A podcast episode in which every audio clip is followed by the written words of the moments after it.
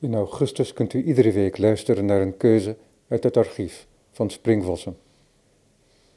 Deze week de uitzending van 30 september 2014, waarin Robert van Alter in gesprek gaat met sinoloog Christopher Schipper.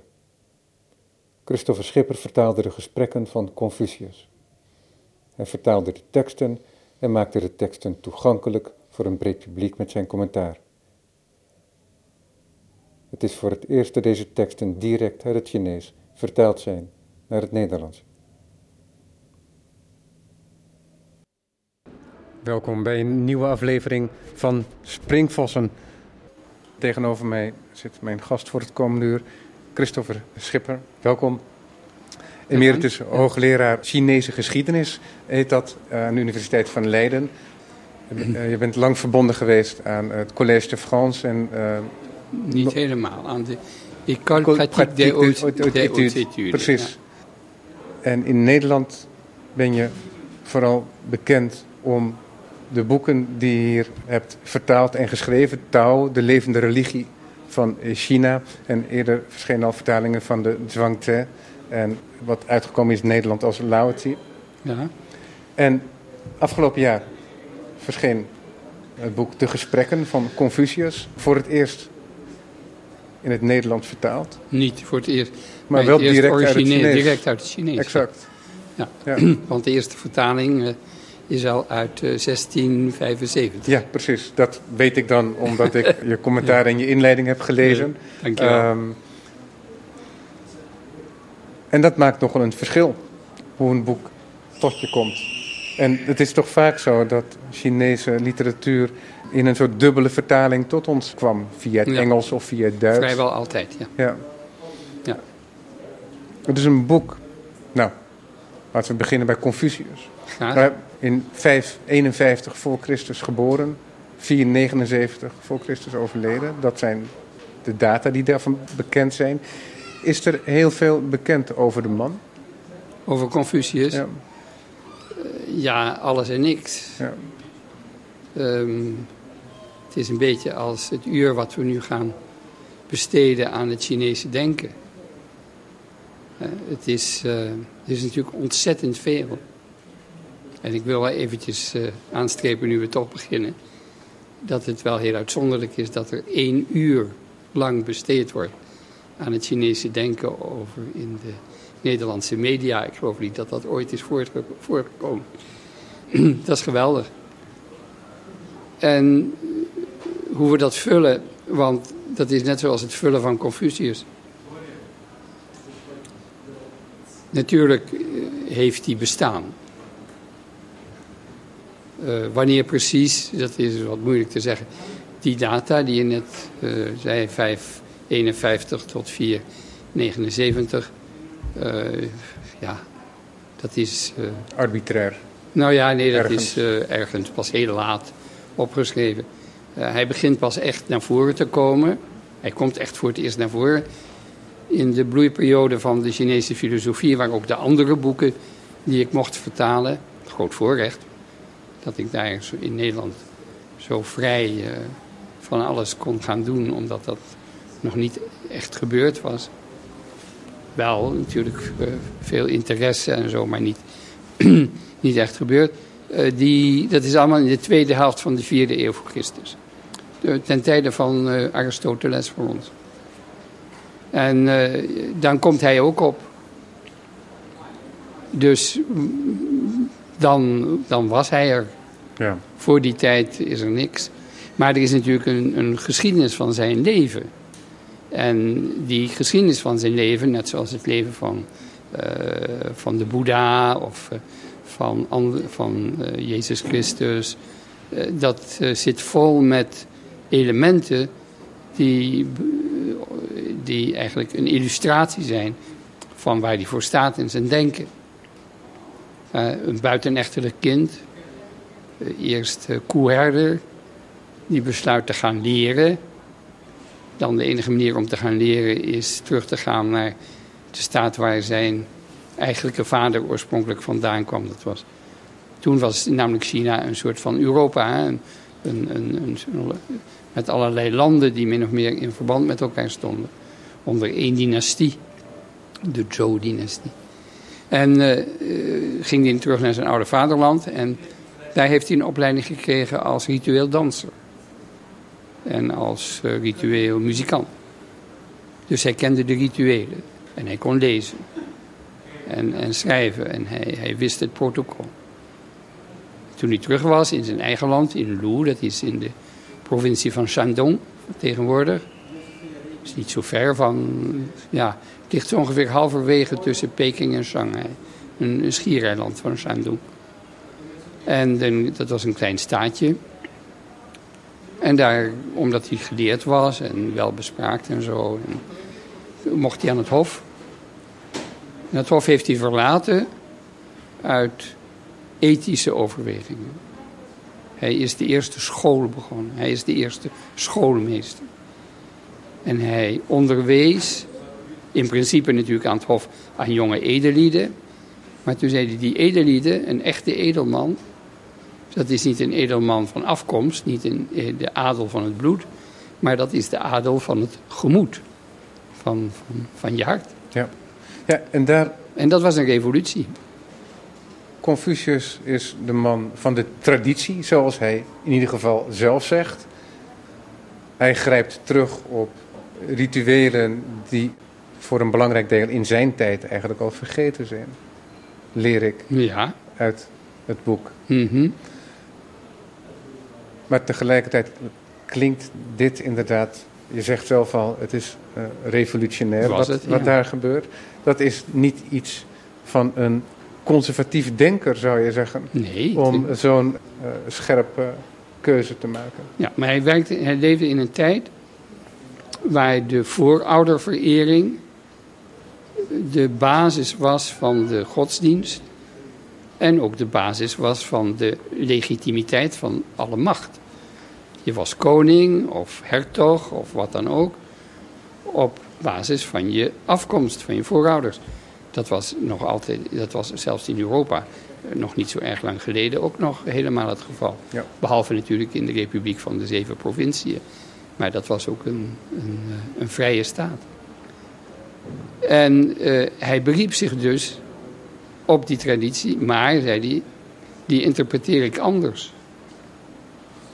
Als het erom gaat om aan de voorouders te offeren, dat heette in het Chinees xiao, dan gaat het er niet om om ze van allerlei uh, eten aan te bieden en, en, koeien of varkens te slachten. Nee, dan gaat het erom of je het met je hart doet. En als je het met je hart doet uit eerbied voor je voorouders, dan moet je dat niet alleen voor je voorouders doen, maar dan moet je dat ook voor je eigen ouders doen. En misschien in plaats van die voorouders uh, zoveel ophef te maken, is het wel net zo aardig en goed dat je ook lief bent voor je eigen ouders. Dat heet een paradigmaverschuiving met een duur woord. Ja, dat, het niet alleen andere dat, inhoud dat, dat, het ritueel niet alleen een gebaar is, maar dat ook de intentie daarbij Uit het van hart. belang is. Uit het hart. Ja. Hij zei, uh, als ik het niet zelf doe, en als ik het niet zelf met heel mijn hart en mijn ziel doe, dan bestaat het ritueel niet. Dan is het alleen maar een uiterlijkheid. Nou, daar zitten we nog steeds over te kibbelen vandaag. Uh, of de vorm belangrijker is dan de inhoud, et cetera. En, uh, maar het belangrijkste was dat hij dus zei: iedereen is van adel. En ik onderwijs aan iedereen. In het Chinees, yo jiao wu lei. Uh, ik maak geen onderscheid tussen mijn leerlingen.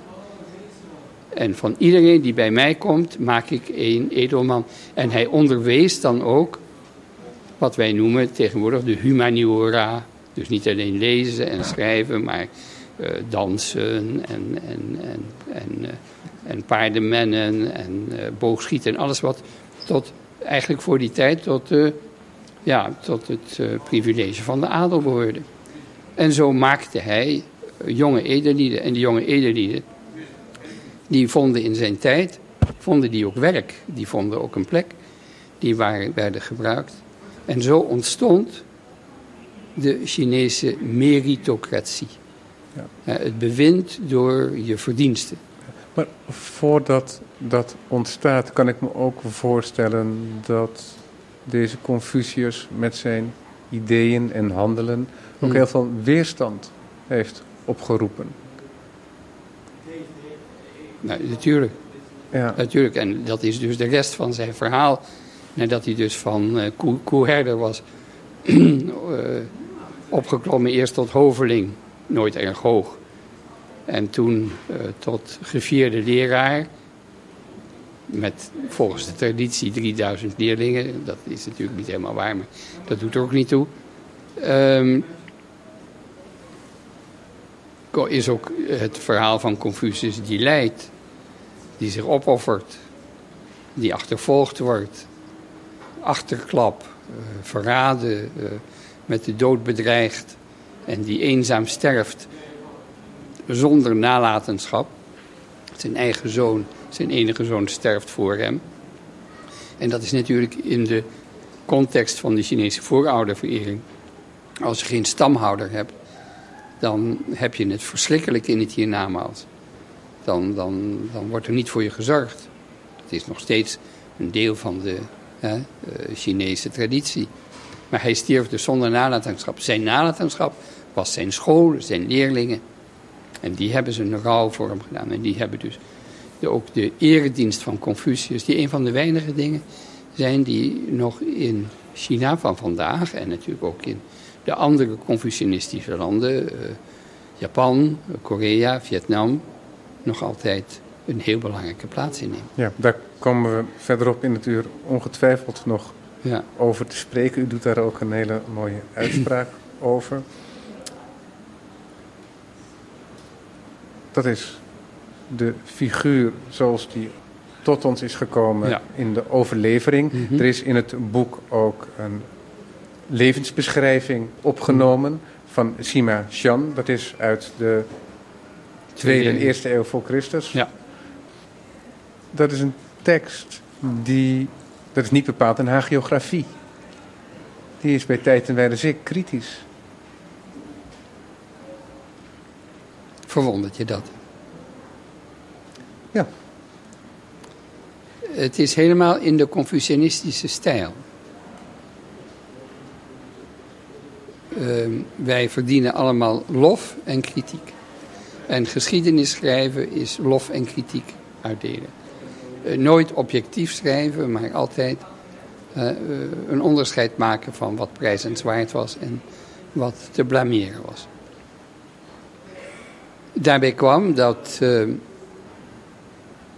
er twee grote periodes zijn voor, de, voor het ontstaan van het Chinese denken. Het ene is, die ik net genoemd heb, de tweede helft van de vierde eeuw voor Christus, de tijd, onze tijd van Aristoteles. Net na Plato. Hè? En voor nog gedeeltelijk tijdens. En de andere is dus de tijd waarin Sima Tien zelf leefde. En wanneer, waar de scholen van Confucius, die van de dansers, want hij was een danser, een rituele danser en een rituele performer, zeg je, zou je eigenlijk moeten. Uh, de school van de Rule, zoals die heet in het Chinees, die is, uh, tot een, heeft een soort van favoriete positie gekregen. En het Taoïsme, dat China verenigd had onder de Tao, die alles overkoepelt, die alle lokale, want China, was een lappendeken van allerlei verschillende staatjes en dat is één, heeft één kunnen worden, omdat er één algemene kosmologie, een, een soort van uh, uh, van uh, metafysieke religie daar overheen ging, die alles één kon maken. De scholen van Loud, uh, die werd onderdrukt en zelfs gedeeltelijk ja, verboden. Dat heeft allemaal te maken met politiek en zo in die tijd, maar goed, zo was dat. En daar was hij niet zo blij mee. Dus hoewel hij uh, grote verering had voor Confucius zelf, was hij met sommige delen van de traditie die toen al bestond, enige eeuwen na Confucius, uh, was hij niet zo erg gelukkig en daar niet meer mee eens. Vandaar dat hij dus van tijd tot tijd uh, dus eventjes uh, laat zien dat er ook dat het een andere kant van de medaille is. Ja, ja. want jijzelf bent daarentegen vanuit jouw perspectief heel positief over Confucius en het Confucianisme. Ehm, dat, Zo, dat zeg ik, omdat lees ik dan eh, in je inleiding. En dat zeg ik ook. En daar was ik ook enigszins verbaasd over, omdat we elkaar eerder hebben gesproken. Ik Mhm. mocht een keer bij je Mhm. op bezoek komen. En toen was je nog bezig met de vertaling Ja. en het commentaar bij eh, de tekst. En daar was je niet bijzonder over te spreken. Nee. Nee, het is... Je was bepaald geërgerd zelfs. Ja. Dus dat positieve beeld dat ik hier, dat hier toch uit die inleiding spreekt, die vond ik heel moeilijk te rijmen met die ergernis die ik toen aan jou kon aflezen.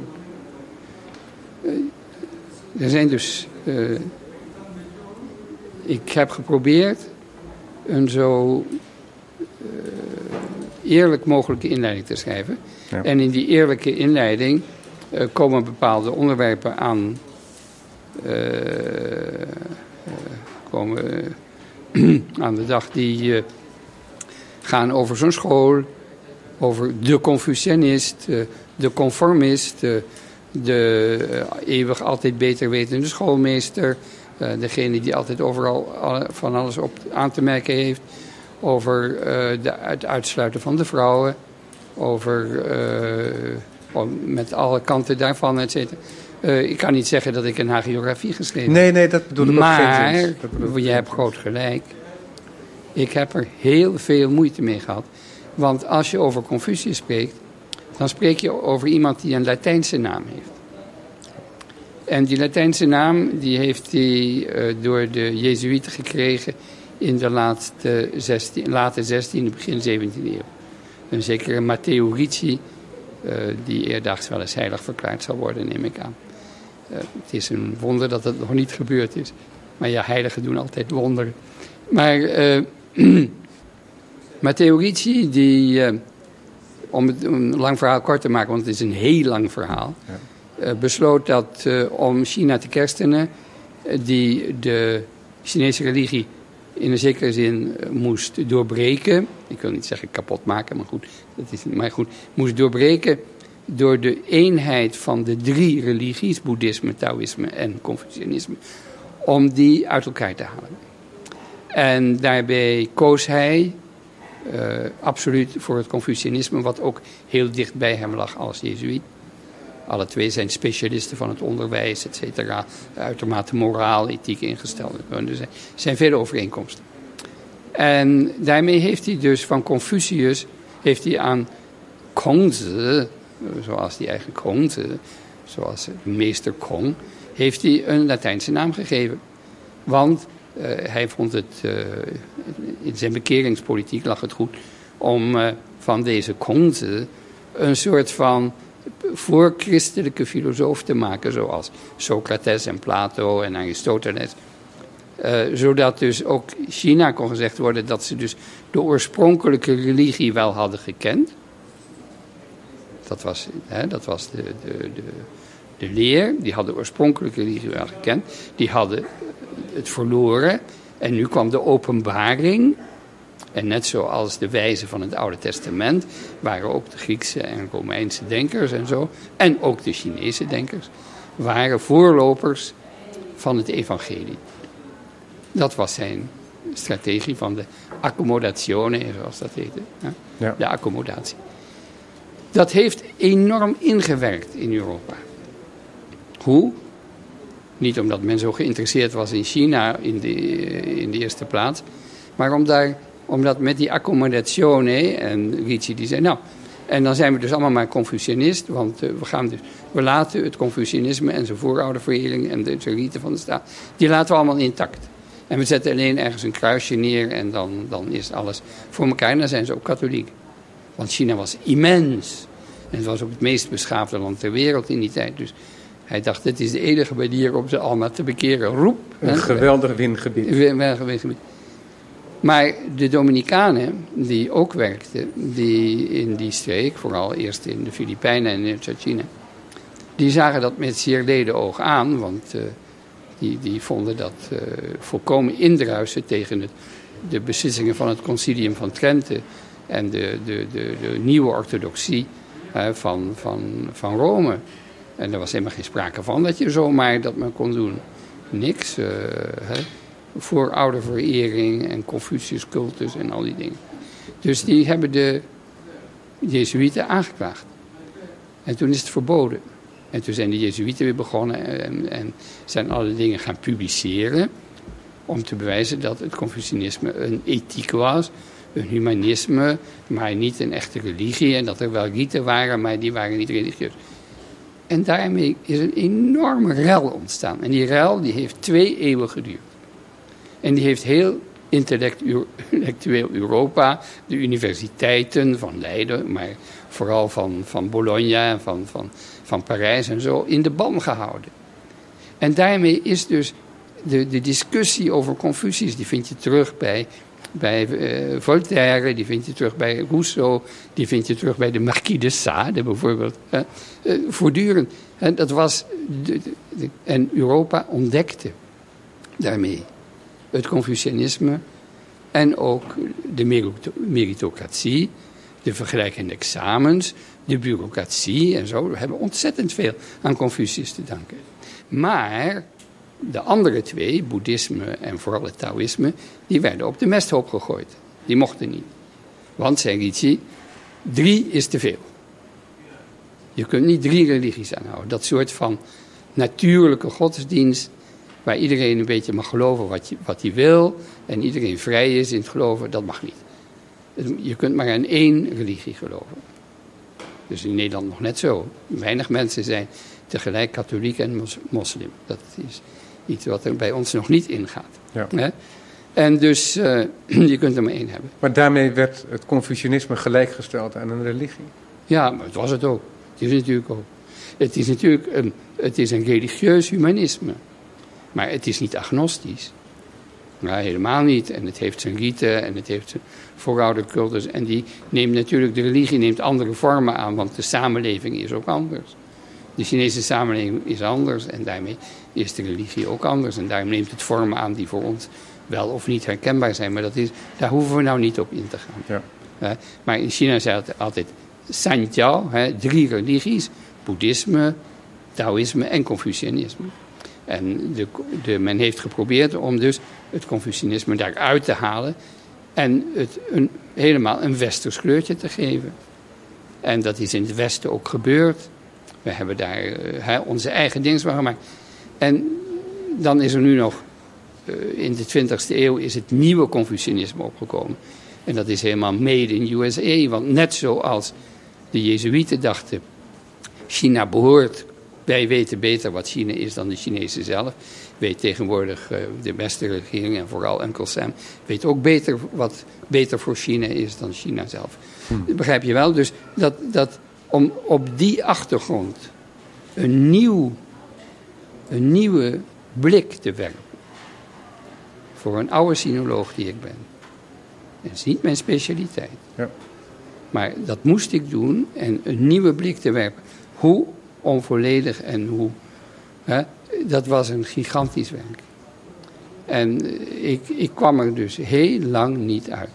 Je kunt niet uh, van het ene omstaan het andere en als Mao Zedong zeggen het Confucianisme uh, uh, dat moet weg, dat is rotzooi, dat is feodaal, et cetera. Dat is allemaal anti-revolutionair.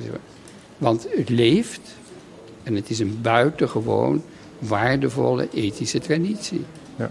Maar waar, wat is de juiste benadering? Waar plaats je het tegen? Inderdaad, ik heb er drie jaar over gedaan. En uh, ik ben tot de slotsom gekomen dat de positieve en buitengewoon positieve bijdrage die het Confucianisme geeft aan onze menselijke cultuur in het algemeen, die is enorm groot. Ja, en zelfs hier dus. Zonder dat we ons daar bewust van zijn. Absoluut. En daar komt ook nog bij uh, dat je beschrijft dat uh, die drie religies, ja. Taoïsme, het Boeddhisme en het Confucianisme, dat die uiteindelijk samen in zekere zin één systeem ook zijn gaan vormen. Dat ze met elkaar vergroeid zijn geraakt, elkaar over en weer beïnvloed over ruim twee millennia. Ja, ja voor het, natuurlijk voor Confucianisme en Taoïsme voor meer dan twee millennia. En natuurlijk met het boeddhisme sinds de tweede, derde eeuw na Christus. En, en dat is, die, die, en dat, dat is een, een, een, een buitengewoon veelzijdig systeem. Waar nooit oorlog of, of gewapende conflicten over gekomen zijn. En dan zijn er ook tempels waarbij er verschillende altaren zijn in één, onder één dak? Nee, nee, nee. Bij de sectarische bewegingen, ja, ja. die zijn syncretistisch. Maar het opmerkelijke is dat ze dus hadden hun, alle drie hadden ze hun eigen niche, zoals je tegenwoordig zegt. Hè? Hun eigen, het, het, het Taoïsme is helemaal de natuurlijke godsdienst van China. En de natuurlijke samenleving. En die behoort dus thuis in de, in de plaatselijke maatschappij. Het Confucianisme is altijd de, de, de achtergrond en het draagvlak en de ideologie geweest van de bureaucratie. Bureaucratie is een lelijk woord, maar hè, de, de, de administratie van China zou je kunnen zeggen. Ja. Met zijn vergelijkende examens, met het idee dat de meest begaafde mensen, de meest intelligente mensen, die moeten ook de meeste macht krijgen. En iedere machthebber is verantwoordelijkheid verschuldigd over zijn gedrag, over zijn persoonlijk gedrag. En moet een voorbeeld vormen voor alle anderen. En dus de revolutionaire gedachte ooit van Confucius is dan door de eeuwen heen regel Helemaal zo gebleven. En dan het boeddhisme is de grote heilsreligie waar ieder persoonlijk door meditatie verlossing kan vinden. Ja. Dus die, alle drie hebben ze hun eigen, hun eigen eh, plaats. Als we naar de tekst gaan kijken, mhm. de gesprekken, dat is niet een corpus dat tot stand is gekomen tijdens het leven van Confucius zelf. Dat is een soort overlevering Mm Confucius komt ook voor in de Zhuangzi. Ja, zeker. Hoe verhoudt die zich tot de Confucius zoals die tevoorschijn komt uit de gesprekken? Leuke vraag.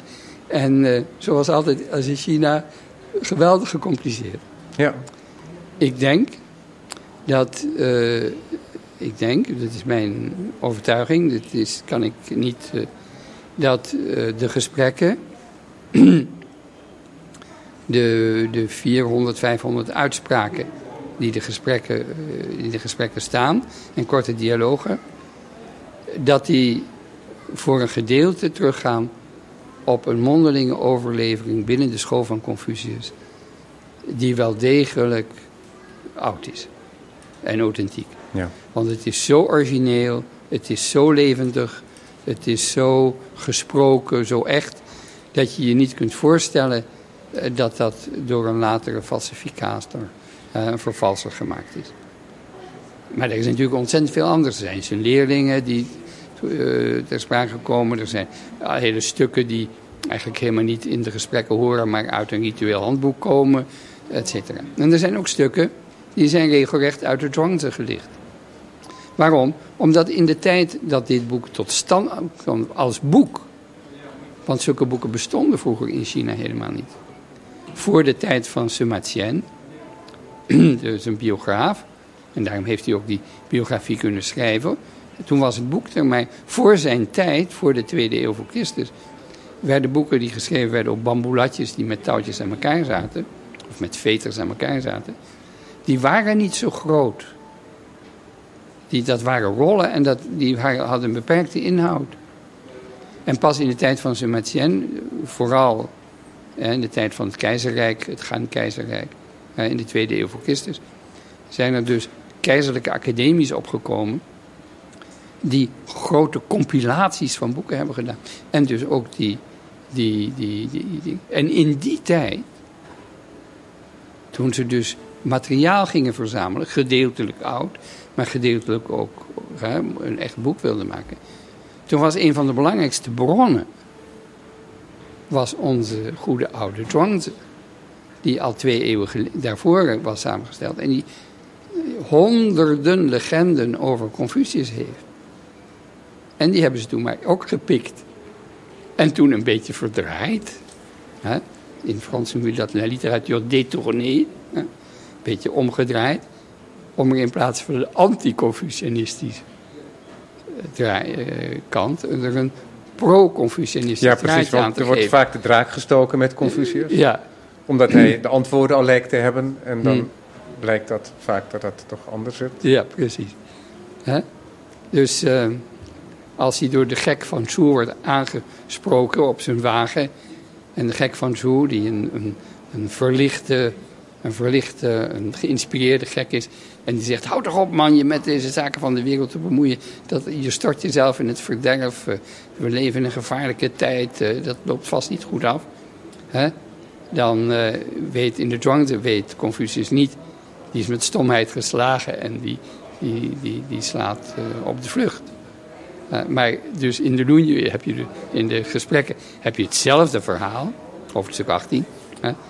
Maar dan aan het eind, dan zegt Confucius, hé, hey, kom jij eens hier, ik wil met je praten. En dan is het dus de, de gek van Zhu die de benen neemt. Want hij durft zich niet met de grote wijze te meten, weet je wel. Dus typisch Chinees. Hè? Dus uh, wie is de overwinnaar van dit, deze discussie? Maar het is helemaal duidelijk, de tekstcritici zijn het erover eens dat de bron van dit verhaal en de gesprekken, dat komt wel degelijk uit de Zhuangzi. De, Zhuangzi, de, de gesprekken is een soort van ja, lappendeken, eh, waar dus van allerlei in gedumpt is. Maar ten eerste is het belangrijk omdat er inderdaad de enige min of meer authentieke bron is, gedeeltelijk dan, hè, ja. van uh, wat Confucius echt gezegd heeft en waar niet echt voor staat. Alle andere boeken hebben dat niet. En ten tweede is het enorm belangrijk omdat er dus sinds het boek gemaakt is, omstreeks 150, 130 voor onze jaartelling, het, het schoolboek van China is geworden. En uh, een paar dagen geleden was ik hier voor de tentoonstelling over verschillende talen. En er was ook een kleine afdeling uh, voor het Confucius Instituut van Leiden, waar dus uh, Chinees gegeven wordt. En iedereen die dat wil, wil wil leren in de mooie Confucianistische traditie. En daar was dus een van de leraren uit China. Nou, de alleraardigste jonge dame die ook prachtig kon kalligraferen. En die zei, ik heb heel de, alle, de hele gesprekken uit mijn hoofd geleerd als jong meisje. En ik kan het nog steeds uit mijn hoofd. En toen begon ze te reciteren. Het leeft nog steeds. Je ziet hier, zelfs op het Barlees Gymnasium, zullen er nog maar weinig leerlingen zijn die uh, de uitspraken van Socrates of uh, boeken van Plato volkomen uit hun hoofd kennen. Ja. Maar daarbij is het nog niet zo gemakkelijk. Want ik denk dat ik niet ver had gekomen met het duiden van die gesprekken hmm. zonder jouw commentaar. Je schrijft ook dat door de eeuwen heen er nou, hele, hele, bibliotheken vol, zijn geschreven met commentaren. En die heb je terzijde geschoven en je bent zelf naar de tekst gaan kijken. En je zult ongetwijfeld belangrijke commentaren gelezen, uh, hebben. gelezen hebben natuurlijk. Maar omdat je zegt ook, ja, iedereen die wil er vandoor gaan met die tekst. Iedereen die probeert zijn eigen ideeën uh, te projecteren op die ideeën en er zo zijn eigen uitleg aan te geven.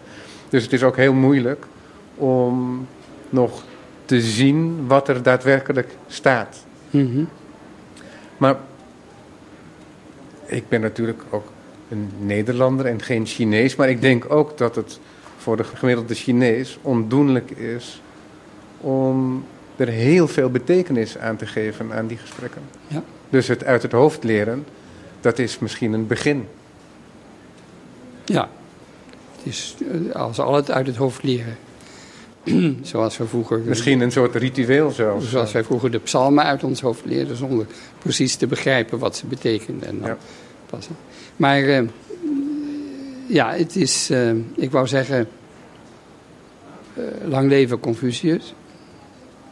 Die ik heb leren kennen. Dankzij het feit dat ik hier mag zijn. En, en er belangstelling voor bestaat. En ik het geluk heb gehad om na een heel leven buiten Nederland terug te keren in, in mijn vaderland. En daar ook in de gelegenheid wordt gesteld om dit te doen. Onvolmaakt, zeker. Maar goed, hopelijk komt er, brengen andere mensen later een verbetering aan. En ook, ja, lang leven Nederland. Want ik zou dit voor een Engelstalige uh, vertolking niet zomaar gewaagd hebben.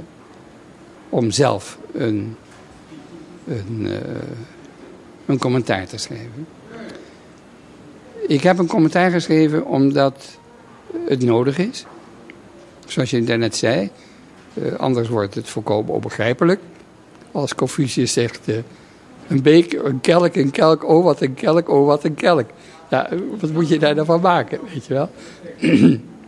dat moet je terugplaatsen in een hele context. En, ja. ja. De tekst moet tot leven worden gebracht. Precies. Maar het is niet alleen dat, het is ook een kwestie van ademhaling. Het, is allemaal, het zijn hele uh, beknopte en, en geconcentreerde uitspraken. Vaak in de gesproken taal. Ja, dat is heel belangrijk om te beseffen. Want ik maakte er al helemaal in mijn hoofd een kunsttaal van. Ja, nee, maar gedeeltelijk. het is ja. gedeeltelijk. En als hij zegt, uh, uh, een kelk die niet een kelk is, wat een kelk, wat een kelk. Ja, dan, dan dat is gewoon in de, in de spreektaal. En dat, als je daar de tien of twintig van gelezen hebt... en je begint je aan je hoofd te krabben en te zeggen... Jezus, wat staat hier? Sorry, ik neem, ik neem de, het, profane woord er, oh hebeltje wat staat er. dan, uh, dan ga je niet verder. Je moet dus die hele geconcentreerde inhoud, uh, daar moet je even een adempauze in geven door er een stukje tussen te schrijven. En dan van de ene stap op de andere. En vaak is het ook, in, weet je, niet altijd, maar in die hoofdstukken dat er wel degelijk een verband bestaat tussen wat vooraf gaat en wat komt. Dus er moest wel ja, iets tussen geschreven worden ter verheldering en ook ter verademing. Ter, ter, hè? Zo hoort dat ook in het Chinees. Hè? Er staat altijd de tekst en dan komt er een stuk commentaar en een tekst en dan komt er een stuk commentaar. Maar wat voor commentaar schrijf je? Al die commentaren zijn opnieuw, zoals je net zei, geschreven door mensen die hun eigen systeem hadden die hun eigen interpretatie hadden en die op basis van hun eigen interpretatie dus succes wilden krijgen, een gehoor wilden krijgen, eventueel een positie wilden verwerven en in ieder geval een reputatie voor hun spitsvondigheid en geleerdheid. En de gesprekken dus, worden dan een vehikel in plaats van het doel. En uh, dan gaat het om allerlei dingen die met, uh, met Confucius zelf niks mee te maken hebben en die voor de Nederlandse lezer ja, nog duisterder zijn. Dus het beroemde commentaar van Zhu Xi, de, de filosoof uit de, uit, de, uit, de, uit de 13e eeuw, de 12 13e eeuw, die, die, ja, die, uh, dat het schoolcommentaar was in China. Dat is interessant voor Chinezen.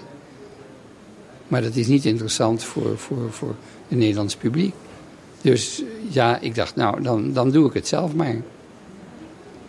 En, ja, uh, en waarom is dat anders in het Nederlands taalgebied dan in het Engels taalgebied? Behalve Omdat dat, dat Nederland uitzonderlijk is in zijn enorme achterstand van vertrouwdheid en kennis en invoering van het Chinese denken en van de Chinese cultuur. Er mag dan wel hier tegenover een groot Chinees restaurant liggen waarvan ik hoop dat het uh, veel klandizie heeft, maar ik ben er niet zo erg zeker meer van. Want de tijd ook daarvan is een beetje voorbij.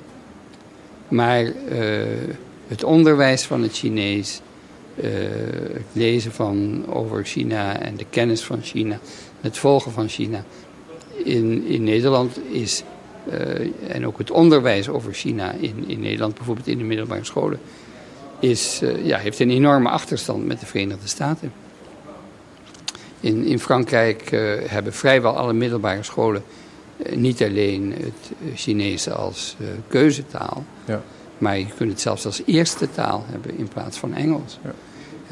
Duitsland ook. Duitsland heeft 13 universiteiten, of zelfs meer, 15 universiteiten, waar Chinees gegeven wordt. Nederland heeft één instituut voor sinologie en een beetje een praktische opleiding in, in Maastricht. Dus in Leiden en in Maastricht. En daar blijft het bij. En, maar u bereikt met uw boek, uh, boeken, mhm. toch een groot Nederlands publiek.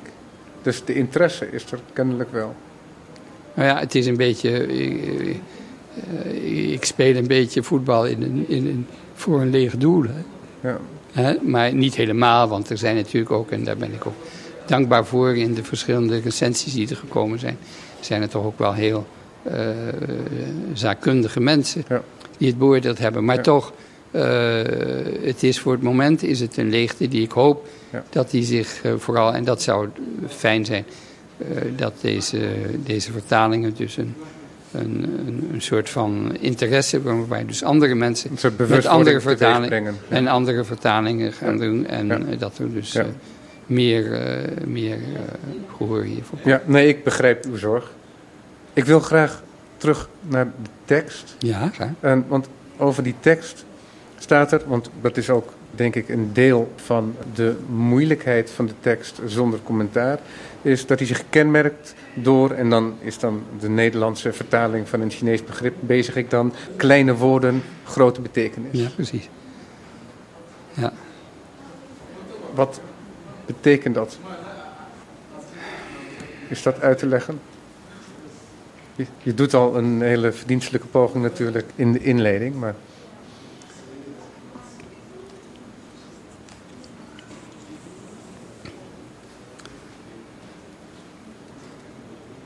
De, het Chinese denken in het algemeen, uh, zowel de Zhuangzi als uh, Confucius, houden zich niet zozeer bezig met het zijn en met theologische vraagstukken. Die worden er helemaal niet in behandeld. Uh, Confucius schrijft dat, schrijft dat volkomen terzijde. Zegt, uh, je hoeft je niet af te vragen wie de goden zijn, zolang je niet weet wat mensen zijn. Maar ze houden zich bezig met woorden en, en kennis. epistemologie. En uh, wat speelt voor, voor Confucius is de waarde van, van woorden. En uh, de waarde van, van woorden die je zegt, het komt voortdurend overeen. Een woord verkeerd kun je nooit meer inhalen. Uh, de juiste benamingen voor alles. Wat moet je doen om een land op orde te brengen? Het eerste is om de termen die je gebruikt met de realiteit te doen overeenkomen. Voorbeeld in Nederland, duurzaamheid. We zijn allemaal voor duurzaamheid, maar wat bedoelen we daar nou precies mee? Dat is, als je het opslaat, dan heb je uh, ontzettend veel verschillende uh, duidingen daarvan. Maar uh, wat nou precies een politiek gebaseerd op duurzaamheid zou moeten zijn, dat is. Ook. Uh, ja, dus uiteindelijk gaat het om een soort concentratie in het woord en dat je de woorden niet opblaast. precies. En dat precies. ze daadwerkelijk Geen onheuzen, want hij zelf is voortdurend bezig met woorden aan wie hij dus die nieuwe betekenis geeft. Ja. En die nieuwe betekenis, die baseert hij op de zogenaamde klassieken. Ja. Die in zijn tijd nog mondeling werden overgedragen. En in die klassieken en in de woorden van de oude vindt hij dus een, een, een duiding die een beetje leidt op de duiding die ook de, uh, in, in, in de uh, Joodse traditie de duiding is van de Talmud. Dat is subtiele aanduidingen vinden waarin God, Elohim, dus door een kleine, zijn echte bedoeling laat merken. Dat zijn dus kleine woorden met een gigantische betekenis. Ja. Ik wil graag een heel klein stukje ja. voorlezen om, om dit te illustreren. Jilu, dat is denk ik ja? een leerling van ja, Confucius. Ehm, en ehm, die vraagt dan aan Confucius: Als de heer van wij u met de regering belastte, wat zou dan het eerste zijn wat u ging doen? Vast en zeker de namen rechtzetten, denk je niet? zei de meester. Hoe is het mogelijk? Wat een omweg maakt u. Waartoe dat rechtzetten? Joe, wat ben je toch een pummel? Weet dat als de namen niet juist zijn, wat men zegt onlogisch wordt. En als wat men zegt onlogisch is, dan zal al wat men onderneemt niet slagen.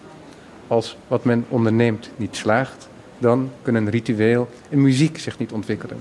Als muziek en ritueel zich niet kunnen ontwikkelen, dan zullen ook straffen en boetes hun doel niet bereiken.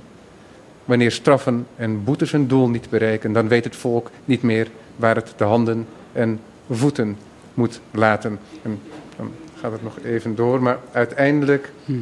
is de ordening van de hele wereld verbonden met het gebruik van de woorden. Het staat tussen aanhalingstekens, de namen recht zetten. Mhm.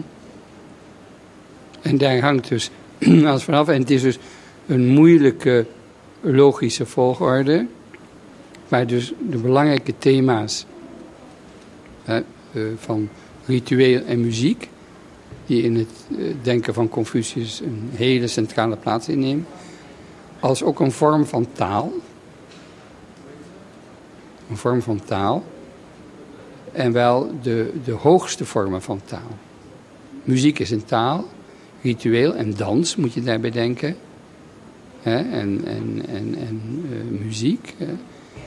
Muziek is ook, zijn, zijn allemaal vormen van taal. En het is, zijn die, eh, die vormen van talen die dus de eenheid en de harmonie scheppen in de samenleving. En alles wat tegen de harmonie en eh, de rust en vrede in de samenleving gaat, ja, daar moet worden ingegrepen. Dus daaruit komen voort het systeem van eh, lof, maar ook van blaam en dus van straffen. Dat is dus één groot eh, systeem. Ja. Hoewel eh, Confucius ehm, elder zegt, en ik weet niet eens of het nou dit weerspreekt, dat hij zegt als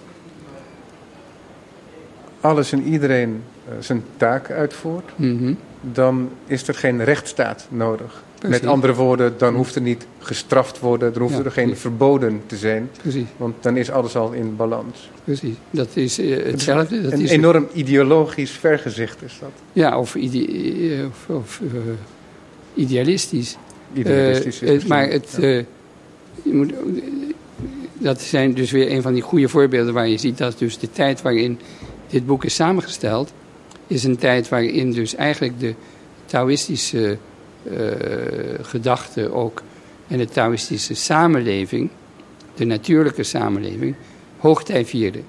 En daarvoor is het grote ideaal eh, regeren zonder te doen. Door niets te doen, het wu-wei. En dat vind je hier dus ook terug. Ehm, maar voor Confucius is het volgen van de riten. En de riten, dat is ook alle riten van belevendheid. Het, de riten van geven en nemen. Van de band die je maakt door te geven en te nemen. De ouders geven aan de kinderen en de kinderen geven terug aan de ouders. Eh, de relatie tussen heer en meester, tussen vader en moeder, eh, tussen broer en zuster, tussen vrienden.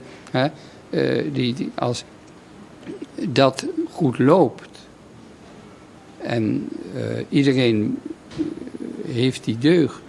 En degene die dus door zijn verdiensten daarin de leiding mag geven, eh, dat ook inspireert en dat komt ook voortdurend.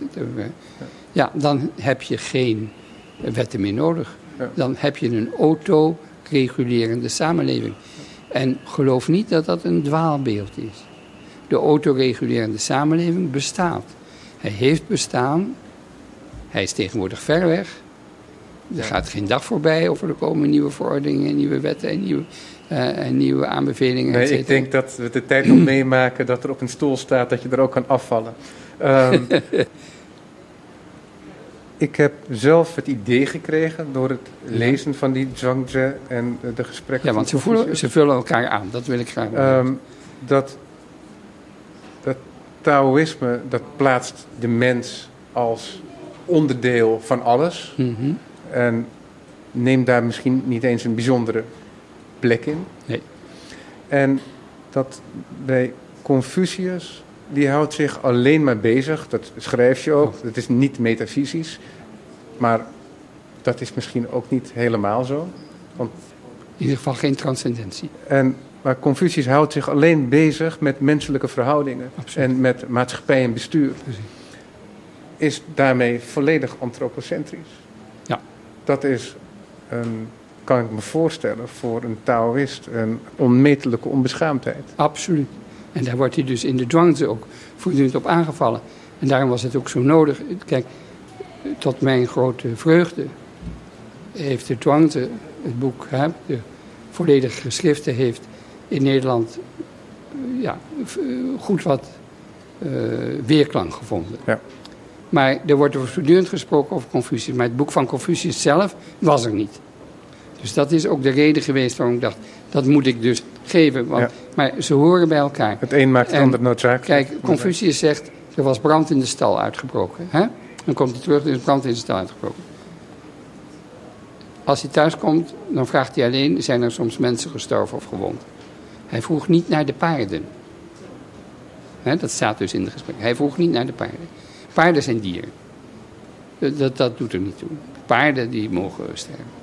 Hoewel een paard in die tijd veel meer waard was dan een mensenleven.